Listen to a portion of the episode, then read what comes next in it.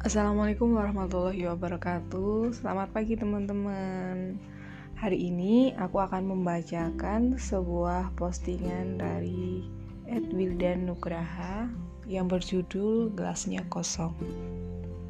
Langsung aja ya. Kalau Allah belum kasih apa yang kita pinta Barangkali gelasnya masih kosong Dan harus diisi dulu biar penuh.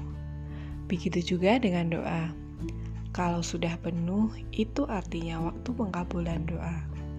Begitu saya menasehati sahabat saya yang ternyata punya masalah yang sama, yaitu belum dapat pendamping hidup. Selanjutnya husnudon saja.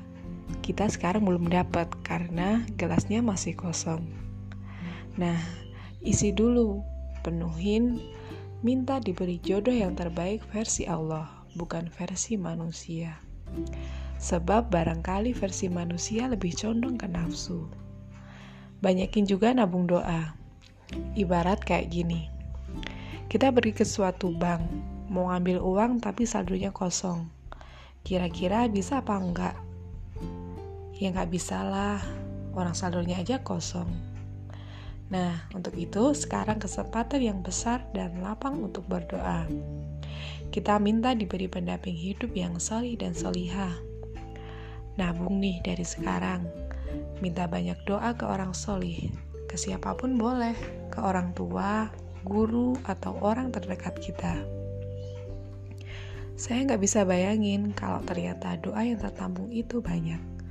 Dan betapa berkahnya calon pendamping hidup kita kelak. Dan saya yakin di belahan sudut bumi Allah yang lain, pendamping kita juga melakukan hal itu.